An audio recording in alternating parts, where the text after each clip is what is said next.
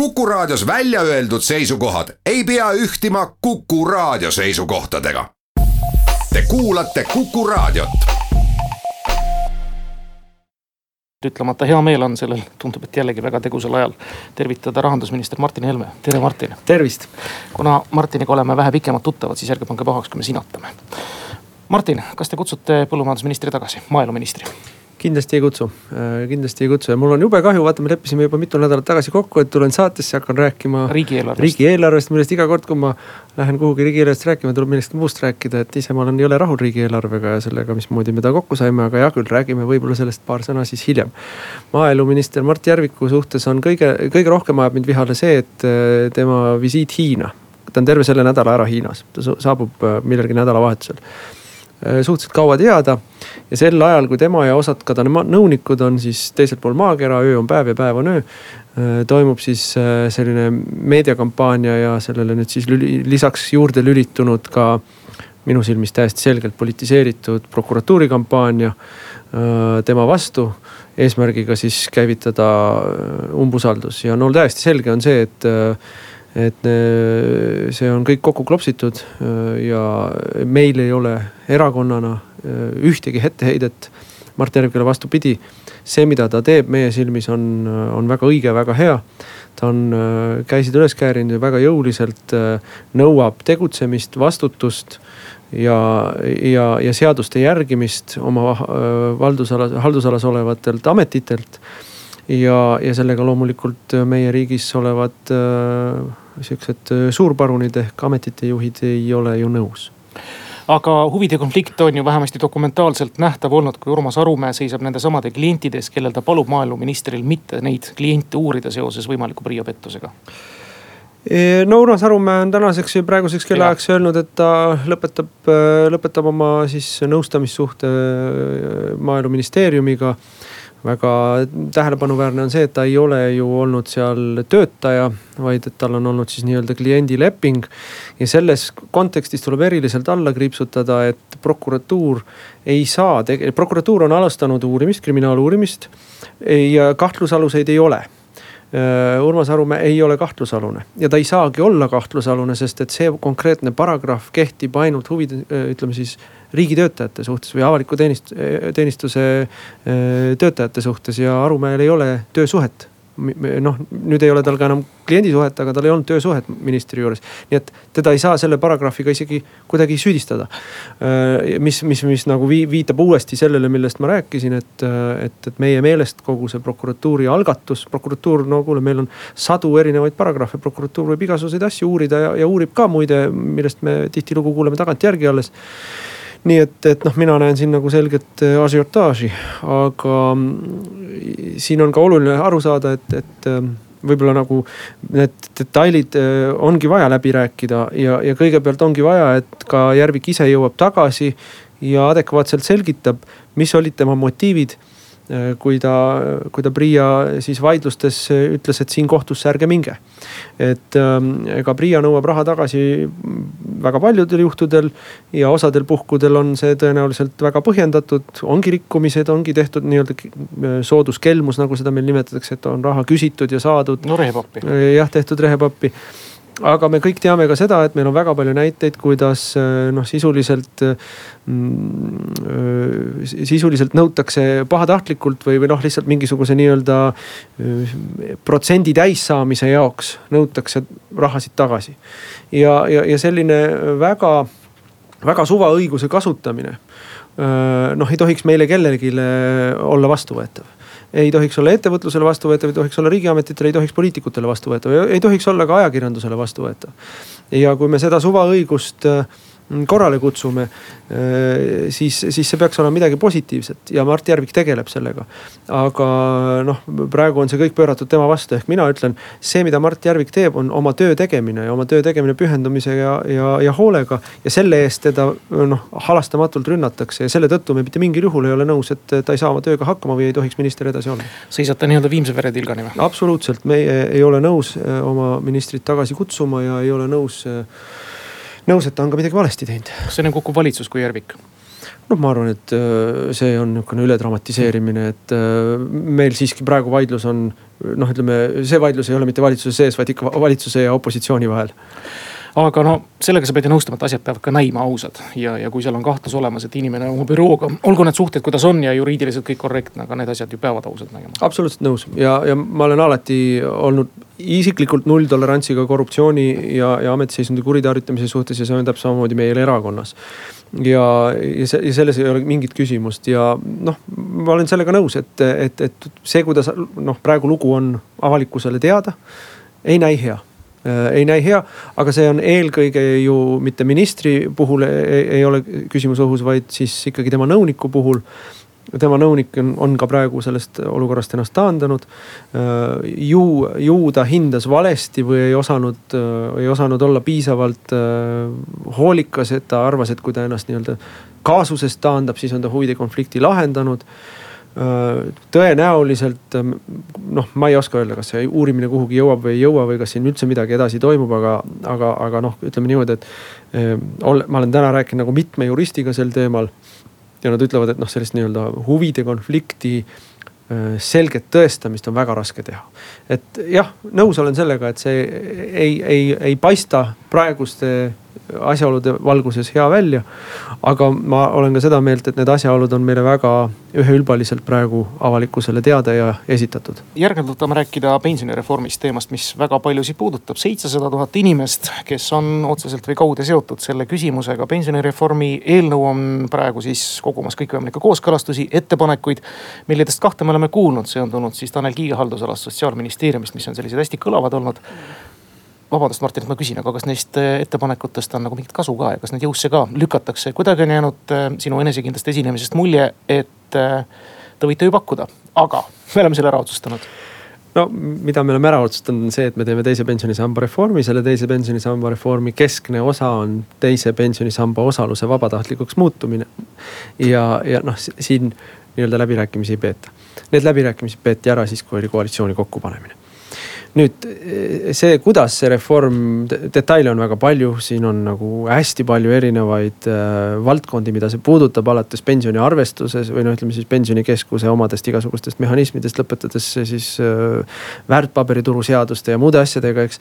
et, et noh, seal on neid detaile hästi palju neid detaile me oleme äh, siin noh, noh tõesti väga suures mahus ja, ja väga hea tempoga läbi töötanud ja eks osad nendest ettepanekutest, mis nüüd on ametlikult esitatud, on ka protsessi käigus esitatud ja on otsustatud kõrvale jätta.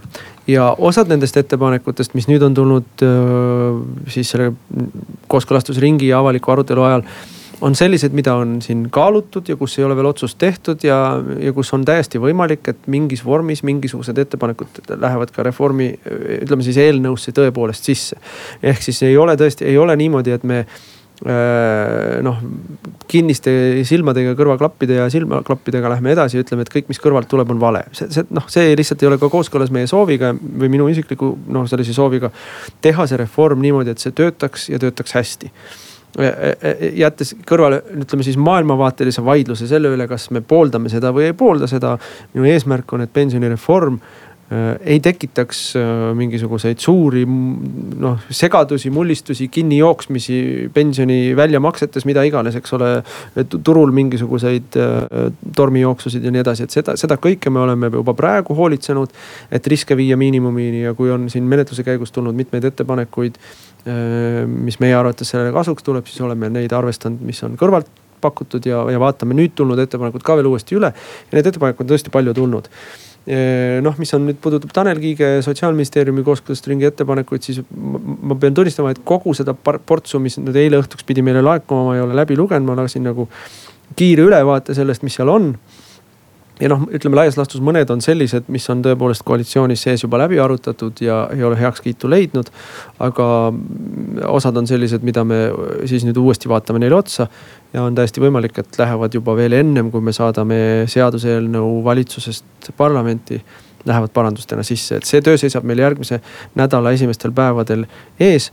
ja järgmise nädala neljapäeval on siis meil eelnõu valitsuses ja me soovime selle valitsusest järgmise nädala neljapäeval parlamenti saata. No ma küsin siis kahe konkreetse idee kohta, see, et inimene saab võtta tulevikus kaks protsenti välja, ehk siis see, mis ta on ise oma töötasult lasknud kinni pidada ja siis see, et vähem kui kümme aastat taasliitumiseni no see kahe protsendi osa tõenäoliselt ei, ei leia koalitsiooni ülejäänud osapoolte poolt toetust et seda on arutatud mitu korda ja, ja, ja noh, me oleme iga kord jõudnud sama seisukohani. Nüüd, mis puudutab selle kümne aasta perioodilisust, siis seda on, on ka seda aega, noh, see mõnes mõttes on see aeg ju, eks ole, sihuke kokkuleppeline. kas ta on kümme aastat või ta on viis või viisteist või mida iganes, et et noh, mida ta lahendab meile, ta lahendab meile seda, et inimesed ei pendeldaks sambast sisse ja välja. kas maksu optimeerimise eesmärgil või sellel, sellel põhimõttel, et ta ise ka ei tea, mis ta tahab Äh, nii et äh, äh, ja, ja, ja kolmandaks ta siis täidab seda eesmärki, et sellele konkreetsele inimesele siis seda kogumis, kogumisteenust pakkuv fond saab mingi teatava stabiilsusega arvestada. Sest et noh, mida, mida, mida, mida vähem on sul võimalik sellist nagu keskpikka plaani teha, seda, seda rohkem pead sa hoidma raha likviidsetes varades. Ja, ja seda raskem on, mida likviidsemad on varad, seda raskem on äh, head tootlust tagada. Äh, või riski maas hoida nii et siin on nagu noh, siin on nagu mitmed nagu sellised äh, liikuvad osad selles mängus, mida me peame kõiki proovima koos hoida, et, et neid riske erinevaid maandada. ja mis oli nagu eksperthinnang nii turuosaliste poolt kui ka rahandusministeeriumi poolt. oli see, et selle kümne aasta mm, nihutamine oluliselt äh, seda eesmärki ei saavuta, mida sotsiaalministeerium äh, välja pakub, nii et noh, me võime selle korra veel läbi arutada, aga, aga me oleme seda tegelikult paar korda arutanud ja, ja, ja vähemalt turuosalised ja rahandusministeerium ütlevad, et, et ta ei muuda väga palju no räägime nüüd riigieelarvest. ta on kogunud kolmkümmend kolm muudatusettepanekut parlamendilt, opositsioonierakondadelt, milledest mitte ühtegi rahanduskomisjon, juhtivkomisjon ei toetanud. mainisid, et riigieelarve on väga hea. mis selles head on, kui näiteks ei saa hooldekodud piisaval määral raha juurde, et oleks siin täna või õigemini sel nädalal on palju millegipärast tuletatud seda Kuuuurija lugu meelde, mida ma kahjuks ei ole siiamaani vaadanud. mis annab meile armetu pildi sellest, mis Tallinna hooldekodudes toimub. mis seal head on, Martin? Ja no kui me niimoodi ükshaaval läheme, võtame mingit sotsiaal, sotsiaalvaldkondasid, siis on meil äh, vaesust ja viletsust äh, ju noh, tõesti väga palju Eestis. seda on kogu aeg olnud. ja seda on kogu aeg olnud ja, ja see konkreetne ettepanek, mille siis, kui ma nüüd õigesti mäletan, sotsiaaldemokraatliku fraktsiooni esindajad tegid äh,. ei lahenda mitte niivõrd seda alarahastatust selles süsteemis, vaid äh, selle eesmärk on äh, siis osa sellest hoolekodus olevast äh, kuumaksest või kohatasust võtta riigi kanda. et jätta siis eh, noh, ühesõnaga, et vähendada siis inimese omaosalust seal. ja see on nihuke põhimõtteline poliitiline otsustamise ja arutamise koht, et, et kas me, kas me nii kas me nii oleme võimelised tahtelised tegema, minema, kas, kas, kas see on osa meie siis nii-öelda sellest äh, sotsiaalkindlustuse äh, paketist äh, või on ikkagi hoole, hoolekodu äh, kohatasu inimese enda kanda või tema laste ja sugulaste kanda.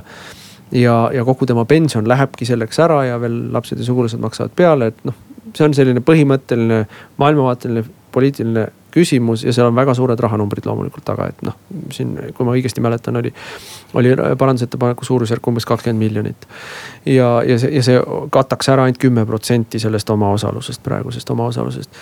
nii et, et ähm, sellist asja me ei ole koalitsioonis kokku leppinud. mõni teine valitsus võib-olla leiab, aga, aga kahtekümmend miljonit äh, praeguses eelarve tegemise faasis liigutada on üliraske. Teil ei ole ka kümmet miljonit anda põllumeestele, kes igatsevad oma top-up toetusi, käivad sel puhul ikkagi peaministriga rääkimas. Martin, ma pean küsimata, et ma mingi kuri kumu liigub ringi, et tegelikult eelarvestrateegia koostamise käigus see top-up toetuste maksmine üleüldse unustati sisse kanda maaeluministri teie erakonna poolt. kas vastab tõele mm,? see vastab osaliselt tõele, et ähm, kevadise RES-i ajal, äh, kui kõik ministrid olid alles nädal aega vähemalt meie erakonna omad ja noh, tegelikult ka ju valitsuse teistest äh, osapooltest oli terve hulk ministreid, kes olid värsked selles ametis ja RES-i hakkasime me tegema, valitsus sai ametisse aprilli viimasel nädalal ja RES tuli ära esitada kolme nädala pärast või nelja nädala pärast. Et äh, ega seal oli küllaltki palju sellist äh, noh, käigu pealt õppimist ja teadasaamist ja, ja asjasse süvenemist ja, ja ühel arutelul tuli väga põgusalt juttu, kas top-up on või ei ole ja justkui liikus läbi, et peaks olema järgmise aasta eelarveplaanis sees ja rohkem seda teemat ei puudutatud. ja kui hiljem hakati täpsustama, siis tuli välja, et ei, ei vasta tõele. nii et äh, terve suve elas äh, valitsuse ja eelkõige siis maaeluminister teadmises, et top-up'i raha on olemas. kui me sügisel septembris hakkasime siis seda eelarvet reaalselt tegema ja neid numbreid konkreetsemalt vaatama, siis tuli välja, et tutkit. et lõppes seoses, et pärast valimisi ei olnud selle peale keegi mõelnud. aga nüüd ma tahaks noh ja minu juures käisid ka põllumehed ja ma nendega rääkisin täpselt samamoodi, ma saan väga hästi sellest murest aru ja, ja top-up'i panemine ja üleminekutoetuse täismahus eelarvesse panemine on, on, on meie jaoks alati olnud ülioluline, tähtis.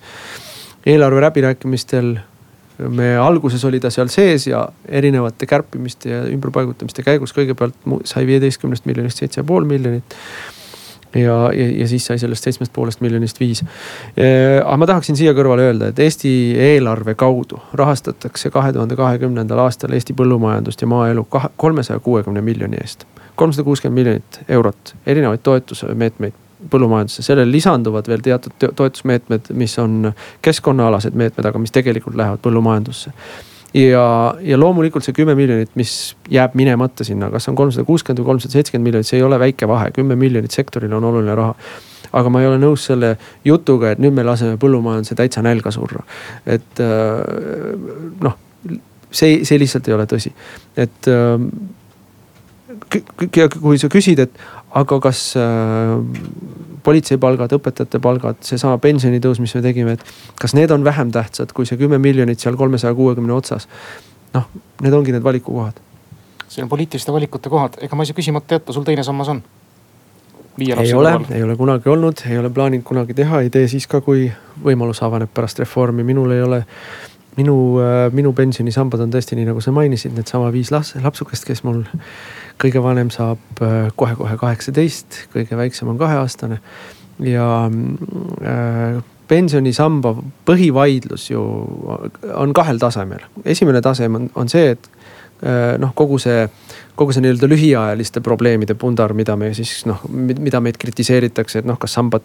kas toimub, hakkavad toimuma mingid sambajooksud ja kas inimesed kulutavad seda raha vale asja peale ja nii edasi, nii edasi. teine siis probleem on see, kas, kas me usume, et kolmekümne aasta pärast, kui sa praegu kolm, nelikümmend aastat raha kõrvale paned. sinu elatustase, pensionitase on parem, kui sa teisesse sambasse kogud või mitte, kui sa teisesse sambasse ei kogu ja, ja, ja mina väidan, et mitte keegi tegelikult ei saa kindla peale öelda, kumb variant realiseerub saade. Saadet toetab Eesti Varaehitus, soojustamise luksklass meil on stuudios rahandusminister Martin Helme, kasutage juhust ja küsige küsimusi. kiita võite ka, aga napilt, me pühendame ikkagi selle saatetunni küsimustele, meil on helistaja liinil, tervist. tervist, minul nagu küsimust ei olegi, ma lihtsalt tahtsin tunnustada äh, seda otsust, et saab äh, teisest sambast raha välja võtta kuna ma olen ise selle sambaga liitunud ja olen nüüd pensionil, siis ma näen, kuidas see asi käib ja no see on absoluutselt vastuvõetamatu. aitäh helistamast ja ütleme siis ka kohe juurde juba ennetavalt võib-olla mõnda järgmist küsimust, et ka tänased pensionärid saavad siis rahasambast välja võtta täies ulatuses. ja, ja ma lisaksin siia selle võib-olla veel, et mulle kirjutas üks inimene, kes on meie erakonna toetaja ja ütles, et aga nüüd tuleb välja, et ma pean selle pealt tulumaksu hakkama maksma, et mis sigadus see on. Äh, noh, siin tuleb täpsustada, et kui te teisest sambast saate tänasel päeval oma annuiteedi alusel äh, kätte, siis see on tulumaksualune raha ka.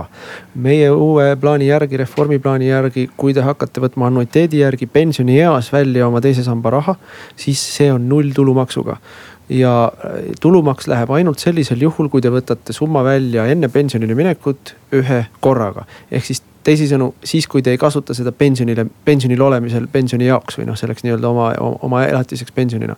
et, et tegelikult vastupidi, me mitte ei, ei pane pensionile tulumaksu peale, vaid võtame ära. kuus, kaks, üks, neli, kuus, neli, kuus on järjekordse helistaja vastu võtnud, tervist. tere päevast. küsige. tere.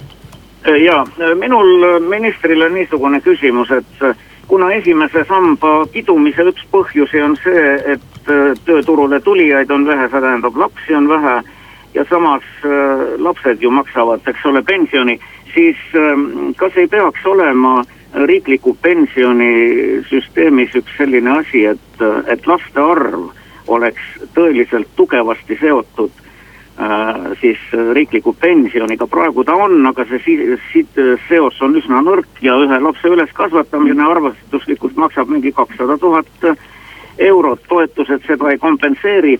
et kas reformiga koos ei peaks tõstma oluliselt äh, laste eest makstavat äh, pensioni osa, muidu on niimoodi, et lastega perede lapsed maksavad ka neile pensioni, kes ei ole lapsi teinud või on neid liiga vähe, aitäh. ja aitäh Äh, laste tegemine on veel väike nihukene asi, millega inimesed hakkama saavad, aga laste kasvatamine on see, mis pingutust ja raha nõuab. Äh, aga on täiesti õige ja, ja selle valitsuse ju üks oluline prioriteet on kogu see demograafia pakett ja sündimuse suurendamine. ja äh, nüüd, kui me selle teise pensionisamba reformi ära teeme, siis juba järgmisel kevadel, kui me hakkame riigieelarve strateegiat arutama, aruta-, me juba tegelikult sel suvel arutasime seda korra ja see teema käis laual väga põhjalikult tegelikult oli arutelu all kogu siis selle meie praeguse esimese samba ütleme siis väljamaksete jaotuse ülevaatamine. ja, ja, ja on olemas ettepanekud, mis nii nagu praegu sissehelistaja ka mainis, et meil praegu on selline küllaltki väikese mõjuga või väikese kaaluga element pensioni arvestuses, mis siis laste pealt suurendab pensionit. et selle elemendi oluliselt kaalukamaks tegemine ja, ja kui me siis nii-öelda oma pensionitõusu teeme,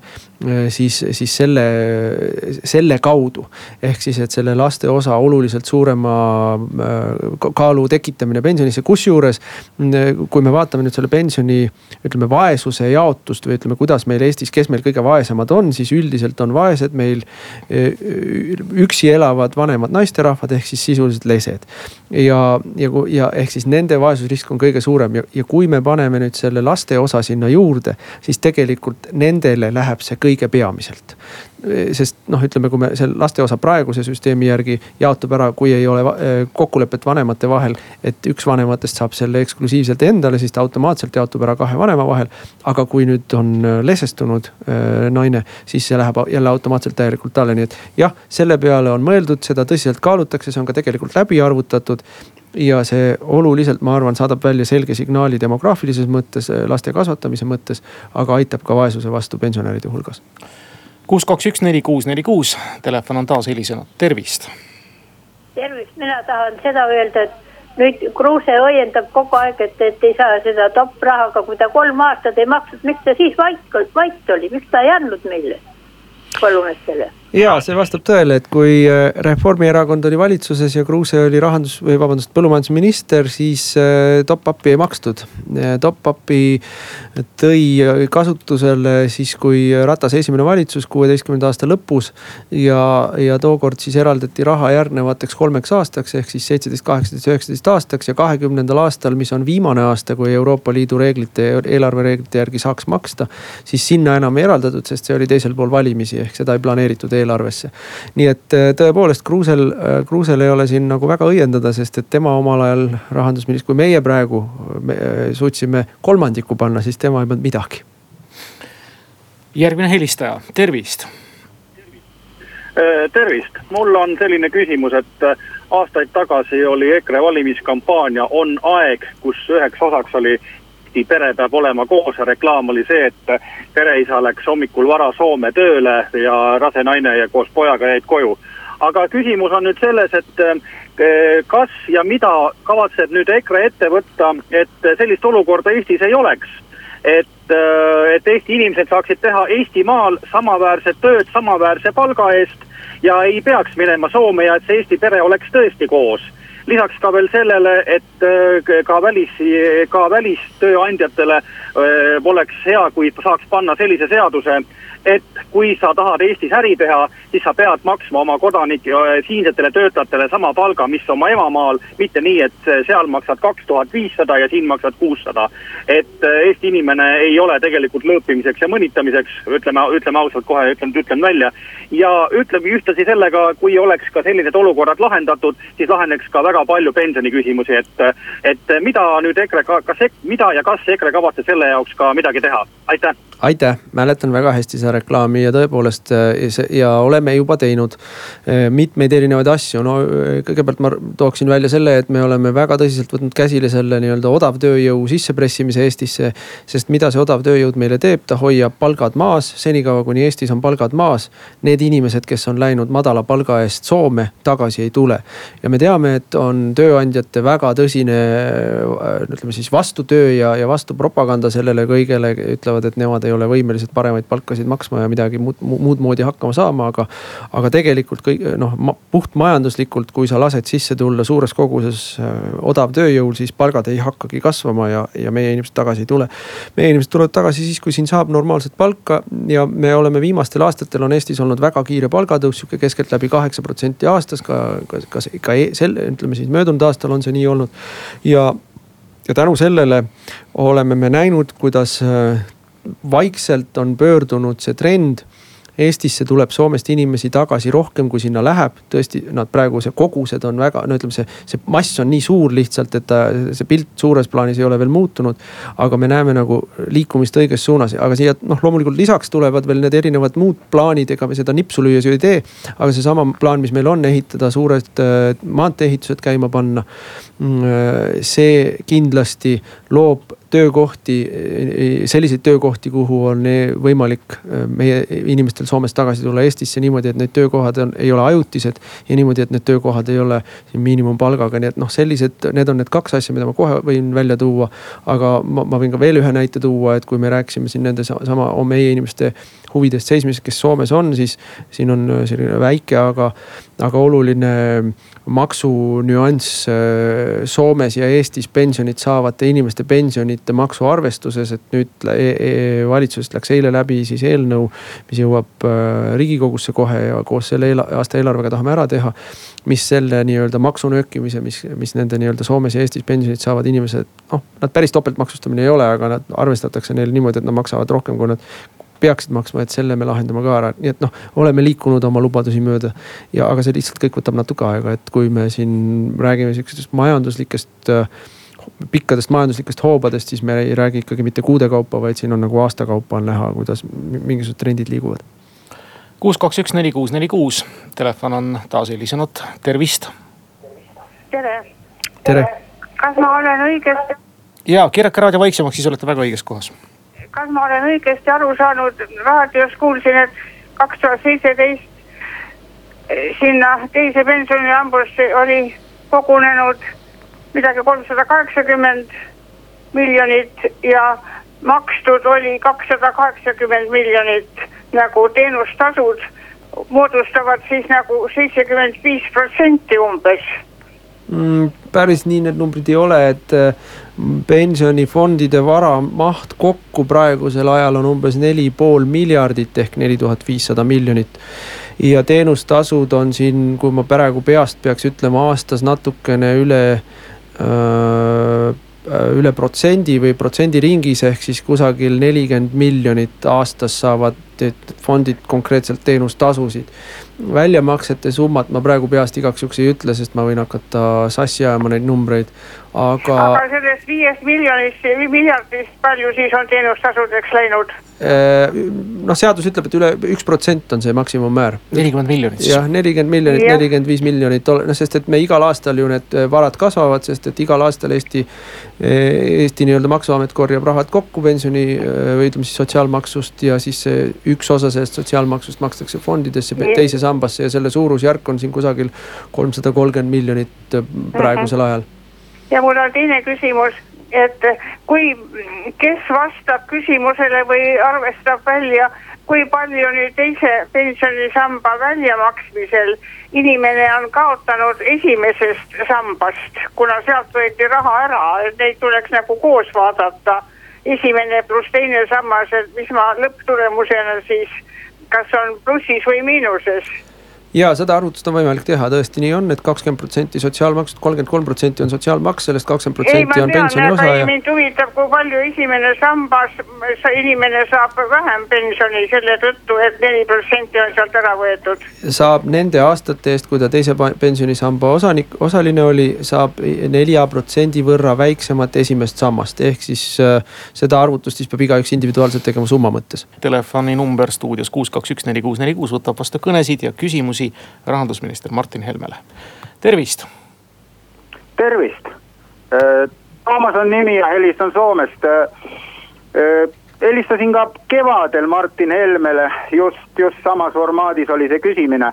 ja küsimus oleks, oli mul siis samasugune kui siin nüüd üle-eelmisel mehel, kes küsis selle Soomest tagasitulekuga seoses et äh, selle, selle tööjõu, võõrtööjõu nagu reguleerimise ja maksustamise kohta, et minul oli täpselt sama küsimus äh, mai lõpus ja Martin Helme vastus oli ka täpselt samasugune, et äh, nüüd on läinud pool aastat mööda, et kas selle poole aastaga on nagu mingi konkreetne mingi, mingi number ka tuua või, või mida on siis nagu tehtud, et on teada, kui palju neid on või kui palju on neid maksustatud või, või kui palju on neid, neid makse jääb nüüd riigil saamata et ja. noh, midagi konkreetsemalt.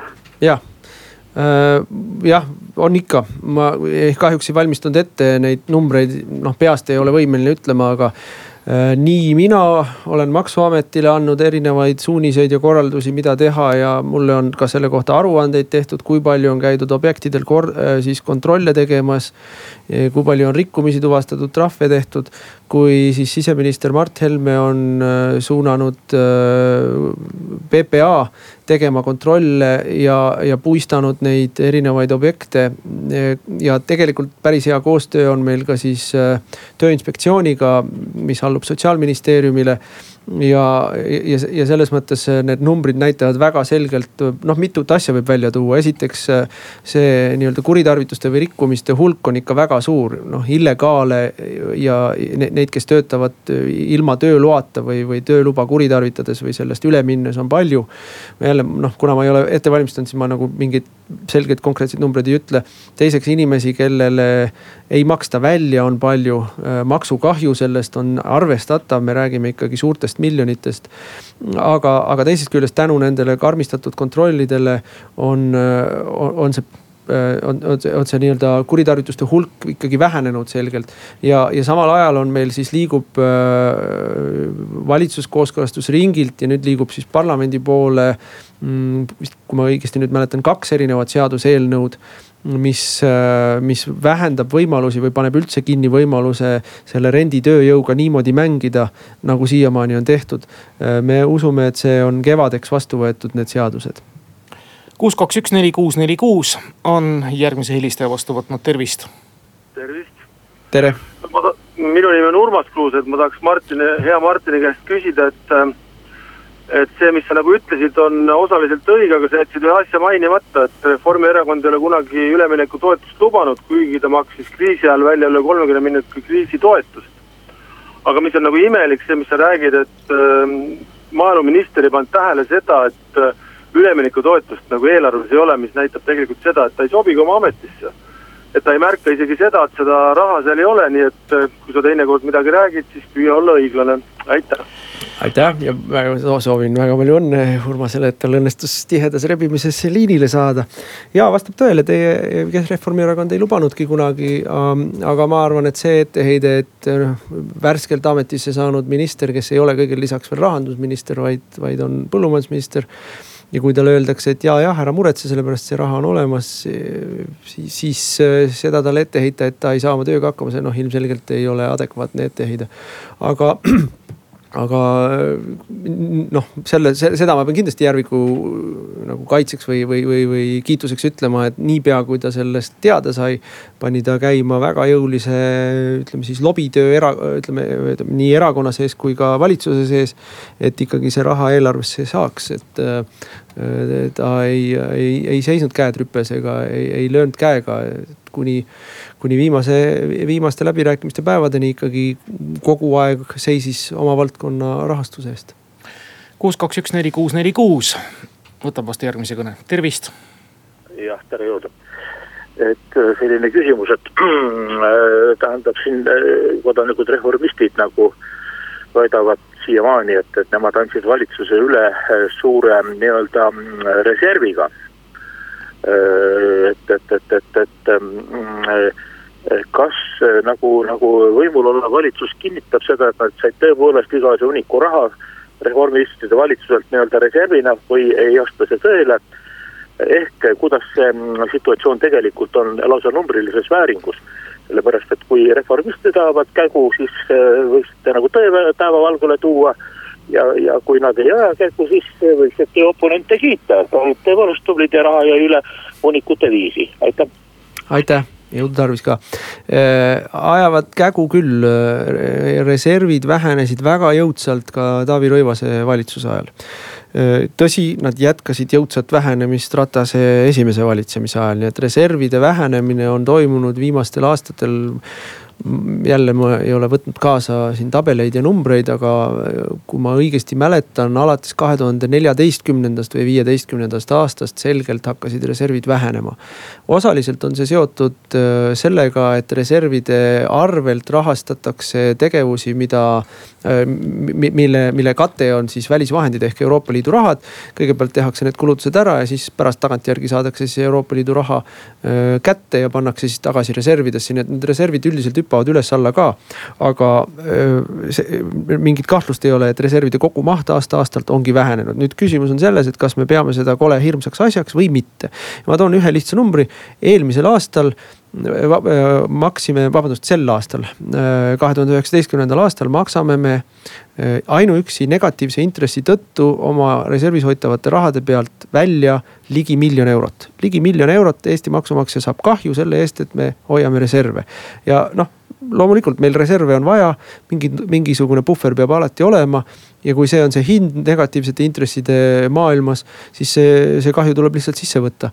aga kas me tahame seda kahekordseks ajada ja miks me tahame seda kahekordseks ajada, kas meil on seda vaja tegelikult? et noh, minu vastus on, et tegelikult ju ei ole vaja, et meil meil on laias laastus umbes niisuguse poole aasta tegutsemise rahavaru olemas kui saabub majanduskriis, arvestusega, et see varu on olemas niisuguse kulude puhul, kui saadub, saabub sama tõsine majanduskriis, nagu oli eelmisel korral, kaks tuhat üheksa.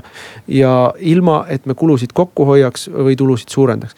ehk siis noh, need reservid nagunii on meil noh, väga kõige, ütleme ülimalt negatiivse stsenaariumi jaoks. eeldusel, et me mitte midagi käigu pealt ei muuda.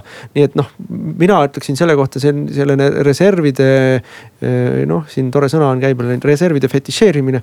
Eh, et eh, see on selline koduperenaise suhtumine riigi rahandusse, et mul on parem uni, kui mul on padja all tohutu patakas raha.